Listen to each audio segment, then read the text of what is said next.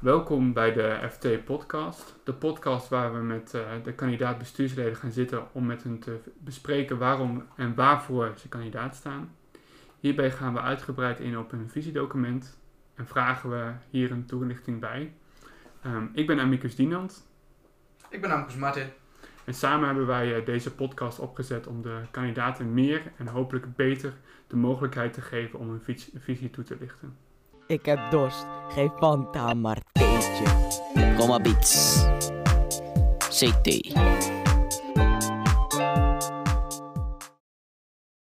Vanavond bij ons aan tafel is Amcus Rick. Ik zal, ik zal hem samen met Amcus Dienand gaan interviewen. Hij staat kandidaat voor de functie van fiscus. Hij is geboren en getogen in Leerdam. Hij studeert bedrijfskunde en op dit moment is hij penningmeester van het SPLO-bestuur. En nu dus kandidaat voor fiscus van ons prachtige dispuut, Gerrit Addenij.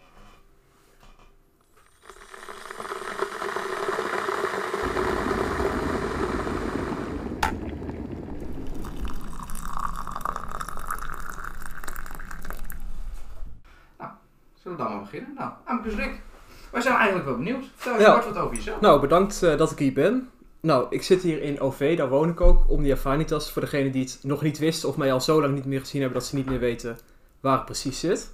Mhm. Eh, ik ben derdejaars op dit moment en ja, ik ga volgend jaar voor het eh fiscaat. Wat leuk. Ja. Ja. Dus, wat heeft er uiteindelijk de grootste reden geweest dat jij in eerste instantie voor het fiscaat bent gegaan? En eigenlijk daarmee ook met, voor het bestuur? Nou, zal ik eerst maar beginnen met het bestuur? Ja, dat is Ja. goed.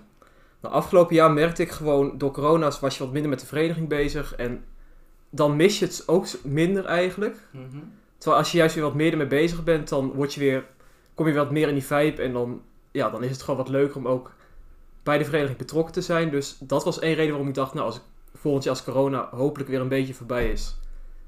En ik ga bestuur doen, dan kom je ook weer gelijk goed in de vereniging. Maar daarnaast ook gewoon dat je ook gewoon samen met een bestuur als team ook iets, echt iets aan de vereniging kan veranderen. En ook zelf je kan ontwikkelen op bepaalde dingen. Dus dat waren eigenlijk de drie over, hoofdoverwegingen om eh, bestuur te gaan doen. Ja, wat leuk. Ja. Ja. En dan nog het fiscaat, dat eh, was ik vergeten. Doe ik wel rustig aan. Ja. Nou, ehm, ja, afgelopen jaar ben ik ook penningmeester ge- geweest bij SKLO. Ik heb ook twee jaar in de acquisitie gezeten, nu met dit jaar erbij. Mhm. Dus, nou, ook cijfers liggen me ook best wel goed. Dus daarom dacht ik, nou, dan ben ik waarschijnlijk wel geschikt voor het fiscaat. Ik heb enige financiële, achter, een financiële achtergrond. Ik ja, ben goed met cijfers. Ik vind het ook leuk om daar een beetje mee te rommelen. Dus rommelen op een goede manier wel te verstaan. Ja, nee, dat is begrijpelijk.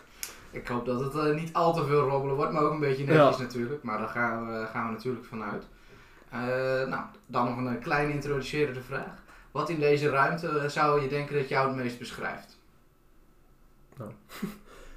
Misschien een beetje uit het, eh, uit het wilde weg, maar nog wel een klein karaktervraagje. Er wordt hier wel gewezen naar een specifieke poster, maar misschien wel heel makkelijk om te zeggen dat... om een foto van mezelf aan te wijzen, dat is wel heel makkelijk. Met een paar woorden op de achtergrond, complimenten voor je het wil zien. Enkel maar waar. Wacht, die is wel... Nee, maar verder geen idee. Nou, misschien dat peace teken. Ik ben niet... eh, ik ben e- eerder ruzie mijdend dan dat ik eh, ruzie opzoek. Oké. Dus dan past dat er wel goed bij. Een vredelievende fiscus. Ja, Dat met is, klompjes eh, erbij ook nog Nederlands. ah, ah, dat is mooi, dat is mooi.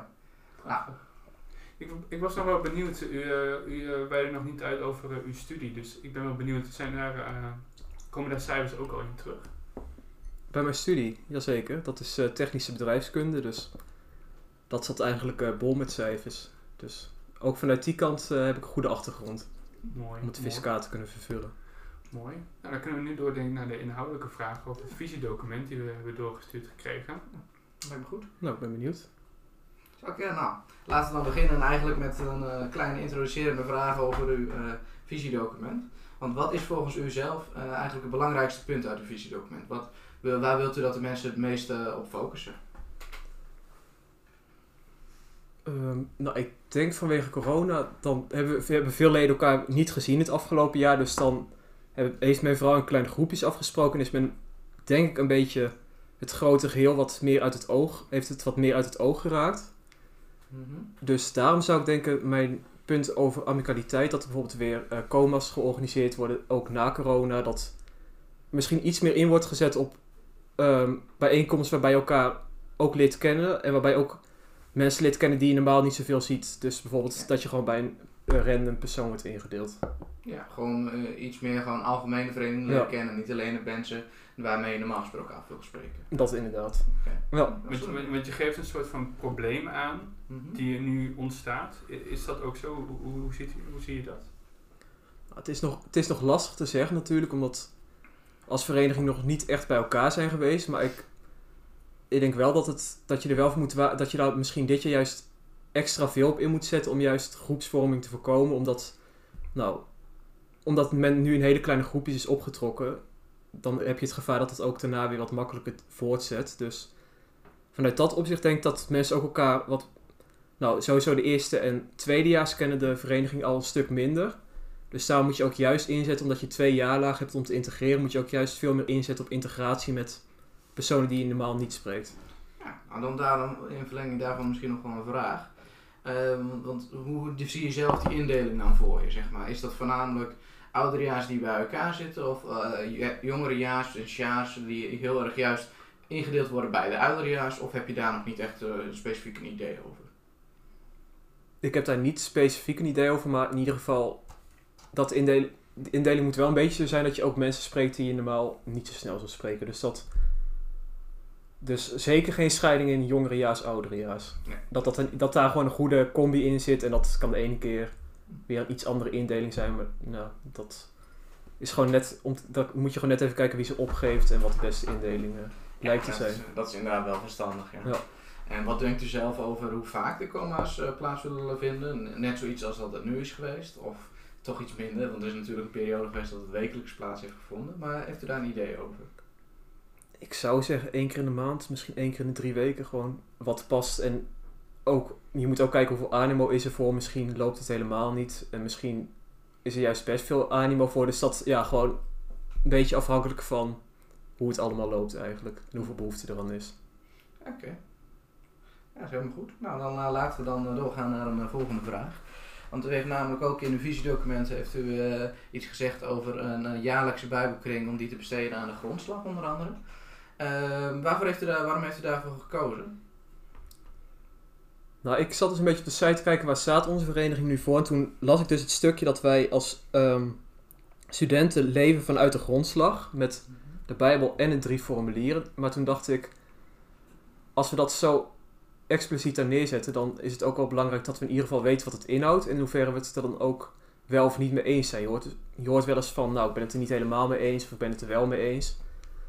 Maar ik denk als je gewoon alleen maar één keer in het jaar, alleen, alleen in je eerste jaar drie lezingen krijgt en vervolgens doe je er niets meer mee, dan moet je ook niet zo expliciet zeggen dat het in je grondslag staat. Want ik denk juist, je moet juist verbonden blijven met je grondslag, al Mhm. doe je dat zo expliciet uitdraagt. Je hebt ook Ja. een optie dat je het misschien iets meer naar de achtergrond verwerkt. Ja, misschien.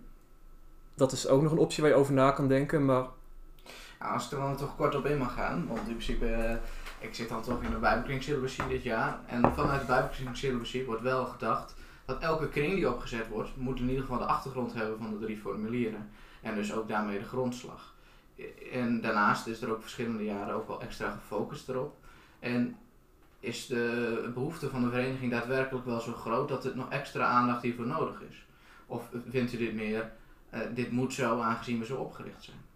Nou, ik denk niet dat we meer moeten doen omdat het onze geschiedenis is of omdat we er vandaan komen. Maar ik denk wel als we het zo uitdragen, denk ik wel dat we ons wel bewust moeten zijn van wat de grondslag precies inhoudt. En dat ook wordt er in- bijvoorbeeld in kringen aandacht aan besteed, dan is het alsnog lastig om dat echt terug te brengen naar misschien de grondslag voor leden zelf. Ook al zit het er wel indirect in. Ja. Dus dan zou ik meer pleiten dat je bijvoorbeeld een keer een, een eh, kring doet over een thema wat in de grondslag of in de drie formulieren erg naar voren komt. Dus, een kring iets specifieker toespitsen op de drie formulieren. of een thema wat daarin speelt. Ik zou niet willen zeggen van lees alleen de drie formulieren en de Bijbel niet, want dan is, daar is de Bijbelkring niet voor.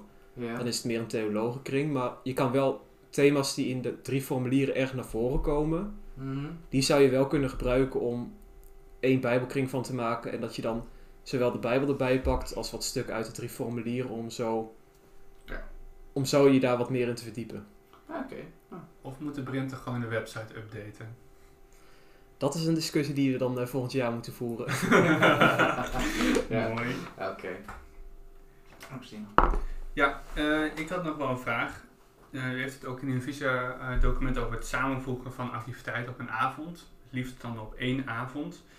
Ehm, we hadden wel een vraag van hoe wilt u dat uiteindelijk gaan doen? Eh, specifiek, nou, ehm, op dit moment hebben we, hebben we bijvoorbeeld wel eens een alleen een kroegavond en een bijbelkringavond in één week. Dan zou je kunnen zeggen van, doe bijbelkring op donderdagavond of nou welke avond het beste uitkomt, lijkt mij de donderdagavond dan. En doe er achteraan een borrel, zodat je iets meer ruimte krijgt om ook weer bijvoorbeeld zo dingen te doen zoals coma's of misschien één extra jaarhoeksavond, dat je wat meer in kan zetten op die kleinschalige, eh, kleinschalige activiteiten. Oké, dus eh, wel het liefst eh, dan, eh, als ik het goed begrijp, eh, mag samenvatten, eh, wel liefst alles op één avond. En dan zo, ehm, nou, eigenlijk zo kleinschalig mogelijk de activiteiten druk houden, als ik het begrijp. Nou, deels om misschien iets meer ruimte te creëren. Het hoeft niet per se zo te zijn dat we alleen maar één avond in de week hebben. Maar dat we in ieder geval iets meer ruimte creëren voor wat, kleinscha- wat voor eigen initiatief of wat kleinschaligere dingen. En misschien ook dat je in plaats van eh, twee activiteiten hebt in de anderhalve week of zoiets. Dat je gewoon eh, één, nou of, nee wacht, dit klopt niet helemaal.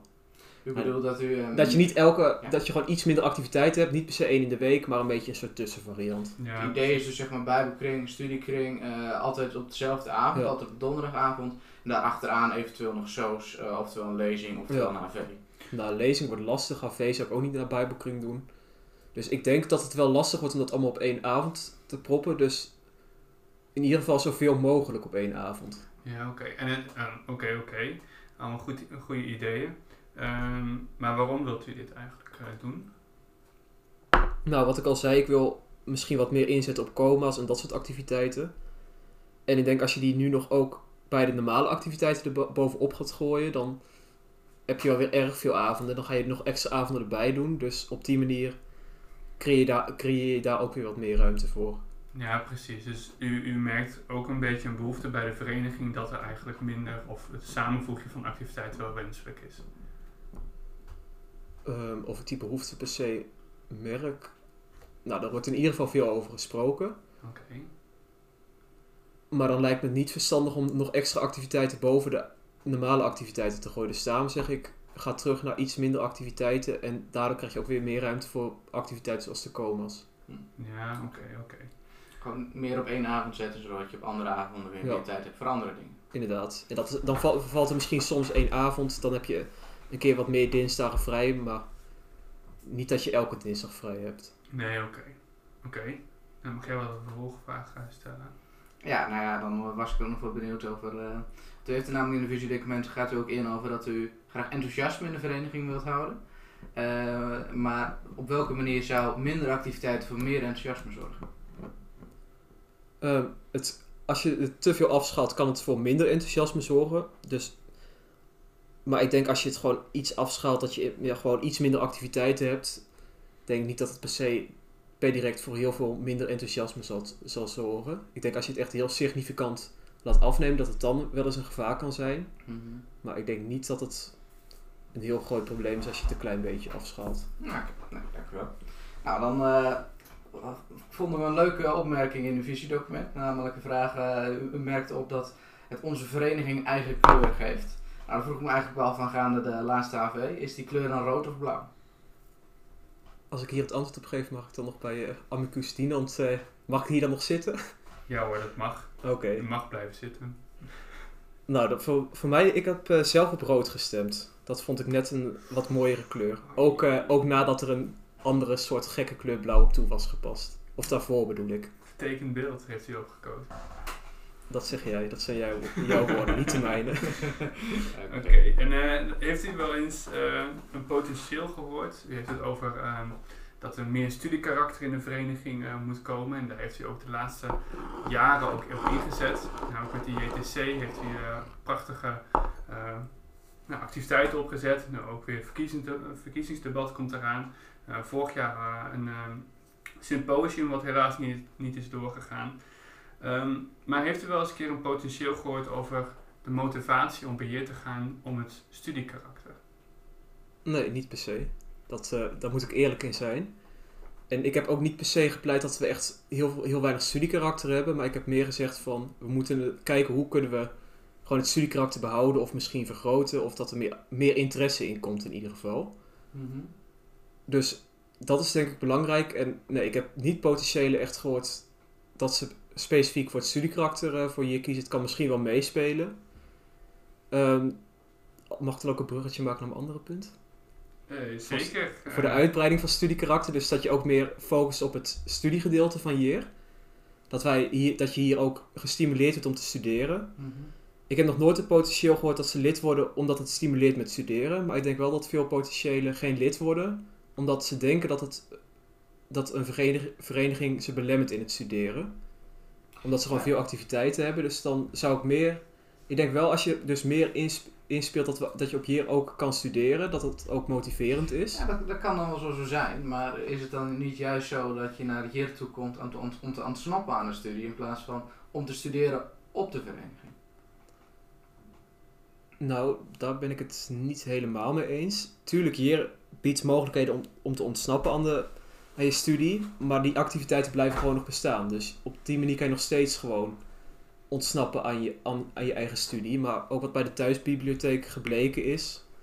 is gewoon dat mensen dat niet, niet zoiets hebben van... oh, het is een soort van een semi-year iets. Dus ik voel dan... dan is hier verbonden met studie en dat wil ik niet. Dat, ik denk dat dat niet klopt. Dat het gewoon eh, een beetje onzin is. Ja, dat is prima. We hadden het ook nog over ehm, iets meer doen omtrent eh studiekarakter en onder andere ook eventuele activiteiten rondom studiekarakter meer vormen. Eh, heeft u dan ook het idee dat we misschien, dat we misschien iets van eh, bedrijfsuitjes moeten gaan doen? Of eh, denkt u dat dat iets te veel op een studi- studievereniging gaat lijken? Leuke vraag. Nou, we, zijn, we hebben al het bedrijfsuitje naar de Europese Unie gehad. Dus dat soort bedrijfsuitjes kunnen we er goed inhouden. Maar nee, we moeten niet bij bedrijven langs gaan. Als eh, dat uw vraag is. of uw vraag beantwoord. Nee hoor, dat was, dat was een klein beetje ludiek bedoeld natuurlijk. Maar in hoeverre gaat hier dan verschillen van eh, een, st- een studievereniging? We willen een studentenorganisatie blijven, neem ik aan. Hoe, hoe, hoe, hoe gaat dat zich verhouden? Worden wij een soort van combi? Of? Nee, nee het, het, het studiegedeelte blijft nog steeds gewoon een klein stukje van je vormen. Dus gewoon nou, dat mensen misschien aan elkaar gekoppeld kunnen worden om te gaan studeren in het eerste jaar. Dat, dat men gewoon, eh, nou, misschien dat, dat de thuisbiep weer, op wordt gezet. Dat de appgroepen weer worden opgestart om samen in UB te gaan studeren. Nou, al, al dat soort acties hebben geen hele dominante invloed op de vereniging. Dus ik denk dat de vereniging dan gewoon zijn eigen identiteit blijft behouden en niet een semi-studie stu- eh, studievereniging wordt. Oké. En ehm, een andere vraag. We lazen in een eh, visiedocument dat er eh, sommige ehm, kosten, of in ieder geval meer inkomsten konden gegenereerd worden. Namelijk door de acquisitie en de subsidie kon er ook nog wel wat van. Ehm, op welke manier wilt u de inkomsten van de acquisitie vergroten? Vanuit de acquisitie denk ik dat er nog, als je gewoon meer partijen gaat benaderen van wil je geld geven, dan denk, denk ik dat er nog zeker potentiële partijen in zitten. Daarnaast heb je ook gewoon nog dingen zoals sponsorkliks die misschien iets meer benut kun- kunnen worden. Dat gebeurt nog lastig in de vereniging. Dus dat, op dat soort manieren kan je gewoon nog eh, extra geld binnenhalen. En Zijn nog de mogelijkheden zijn nog zeker niet op. Oké. En eh, aangaande subsidie, eh, hoe, hoe willen die inkomsten, hoe wilt u dat doen, aanpakken? Hoe wilt u dat eh, vergroten, die inkomsten? Nou, ik heb een beetje achter de schermen gekeken. Ik moet wel zeggen dat het niet een hele... Zich, het, we kunnen bijvoorbeeld de bijbelboeklezingen van het midwinterweekend... kunnen we bijvoorbeeld subsidiëren. Dat gebeurt op dit moment nog niet. De- daarnaast kunnen we ook gewoon misschien iets meer grootschalige activiteiten organiseren... en daar, daarbij meer subsidie aanvragen. Dus dat zijn twee punten... Nou, de grootschaligere activiteiten zorgen ook voor meer inkomsten, maar ook voor meer uitgaven. Dus dat heeft, niet, heeft weinig invloed op de contributie. Maar bijvoorbeeld voor een bijbelboeklezing kunnen we de lector al vanuit de subsidie eh, betalen. Dus dat is- en reiskosten. Dus dat zijn al dingen waarbij, de, waarbij er ook eh, meer subsidie aangevraagd kan worden. Oké. Bedankt voor de toelichting. Nou, dan wil ik eigenlijk een klein beetje naar de afrondende fase toe gaan. Want het grootste gedeelte van uw visiedocument hebben we ondertussen besloten. Maar dan wil ik toch nog kort ingaan op de persoonlijke verbeterpunten die u heeft neergezet. Op welke manier denkt u dat u deze gaat verbeteren? Op welke manier gaat u daarvoor eh, inzetten de komende jaren? Nou, specifiek gezien, als ik het even toch wil benoemen, heeft u staan, wel kan ik voor een bestuurder soms iets te veel op achtergrond staan en ben ik retorisch niet altijd even sterk. Nou, simpelweg kan ik, kan ik me daarin ook gewoon verbeteren door gewoon te besturen. Door überhaupt te besturen. Dan moet je wel meer op de voorgrond en dan moet je ook wat meer eh, presenteren. Dus daar wil ik ook, ik wil me ook zeker dan niet een soort, soort van een comfortabele positie innemen, maar ook wat meer. Ja, dat is natuurlijk Wat meer naar waar, voren als, stappen. als bestuurder iets meer op de voorgrond komt, maar als, als fiscus eh, kun je uit, uiteraard op eh, HV's en dergelijke kun je nog steeds gewoon blijven zitten zonder dat je daadwerkelijk meedoet. Bent u wel van plan om daadwerkelijk naar voren te stappen en ook eh, daarin de verantwoordelijkheid te nemen en ook gewoon het woordje te nemen. Niet alleen de prezes het woord te laten doen. Nou ja, daar wil ik ook eh, zeker aan werken. Dus ehm, kunnen we daarvan uitgaan dat u ook voor de rol Prezes gaat eh, als u eh, hier toch aan eh, blij- blijkt willen te werken? Zou u dan ook voor de functie Prezes willen gaan? Nee, dat, eh, dat gaat het niet worden. Dat zal, eh, nee. Laten we het voor nu dan nog maar even kleinschalig houden, qua retoriek dan in Ja. ieder geval. Als we dan toch nog, eh, ik neem aan, volgens mij zijn we al redelijk eh, uitgeschoten in de tijd, dus laten we dan toch naar de afrondende fase gaan. We hebben eigenlijk nog eh, drie stellingen waar we eigenlijk eh, in eerste instantie willen dat u eh, in heel kort op reageert, met liefst gewoon een, een ja of nee, of wanneer mogelijk.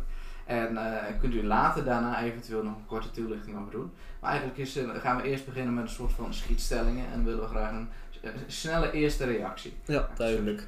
Nou, de eerste stelling, je moet uit het landelijk. Nee. Oké.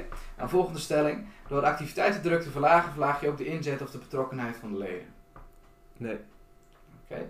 Dan Met nuance, die komt zo nog. Nee, ik kom er zo bij. En dan eh, liever besmetten dan een dichte kroeg. Nee. Nou, eh, u bent vrij, vrij eh, negatief over deze stellingen. nou, dan toch nog een eh, korte, een korte toelichting van waar u nog graag een toelichting over wil geven. Nou, bij de tweede dat zou ik nog een nuance geven, toch? Wat Ja. was de stelling ook alweer? Dat was door de activiteitendruk te verlagen, verlaag je ook de inzet slash betrokkenheid van de leden. Ehm, nou, ik heb in eerste instantie nee gezegd. Dus als je gewoon het een klein beetje vermindert, dan zal het wel meevallen. Als je het echt heel erg gaat verminderen, dan zou je dat wel zeker gaan zien. Dus het, is een het antwoord is een beetje tweeledig. Als je gewoon in plaats van vier activiteiten, drie activiteiten, of nou dat is niet helemaal goed voorbeeld, in plaats van acht activiteiten naar zeven activiteiten in een maand gaat, of naar zes eventueel, dan verwacht ik nog niet per se dat. Dan ziet men elke week nog eh, mensen op de vereniging en dan ook nog meerdere keren in de week. Dus dan zou ik niet zeggen dat het eh, per se achteruit gaat. Oké. En als ik eh, dan een vervolgstelling indien van... ehm, als je weet dat je bij een vereniging gaat, weet je ook dat je er gewoon tijd aan kwijt bent. Ja, klopt. Dat is inderdaad zo. En waarom wilt u die dan verlagen? Ehm, allereerst wil ik hem niet extreem verlagen, maar ik wil hem wel misschien iets omlaag brengen. En tij- tijd aan kwijt zijn heeft ook nog meerdere dimensies. Je kan ook dan kan, zou je ook kunnen zeggen, als je op een vereniging gaat, dan weet je dat, je dat je vier avonden in de week beschikbaar moet zijn. Dus dan moet je niet gaan zeuren, al gaat het naar drie. Dank u wel. Laten we hier niet al te veel over uitweiden. Wanneer eh, men hier nog vragen over heeft, dan kan dat uiteraard nog zelf gesteld worden. Of kan men eventueel indienen en dan eh, kunt u hun eh, wellicht zelf nog ehm, antwoord erover We hebben ook geven. nog de verkiezings-AV, dus. Daarom, er komt nog een vragenrondje, Ja. dus dat kan nog helemaal. Ja, Dan nog één afsluitende vraag en die eh, stelt ja Annelies dus daar ben ik wel heel erg benieuwd naar, want dit was natuurlijk een zeer lastig eh, interview voor mij. Ehm, voor de curs- cursisten onder ons, ehm, kunt u uw visie in een metafoor beschrijven?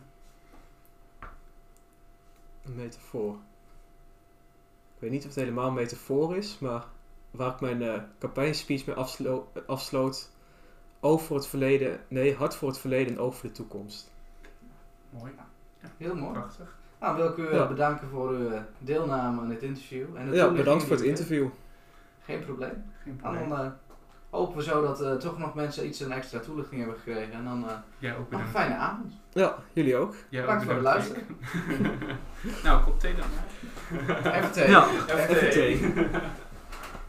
Ik heb dorst, geef Fanta maar theetje. Roma Beats. CT.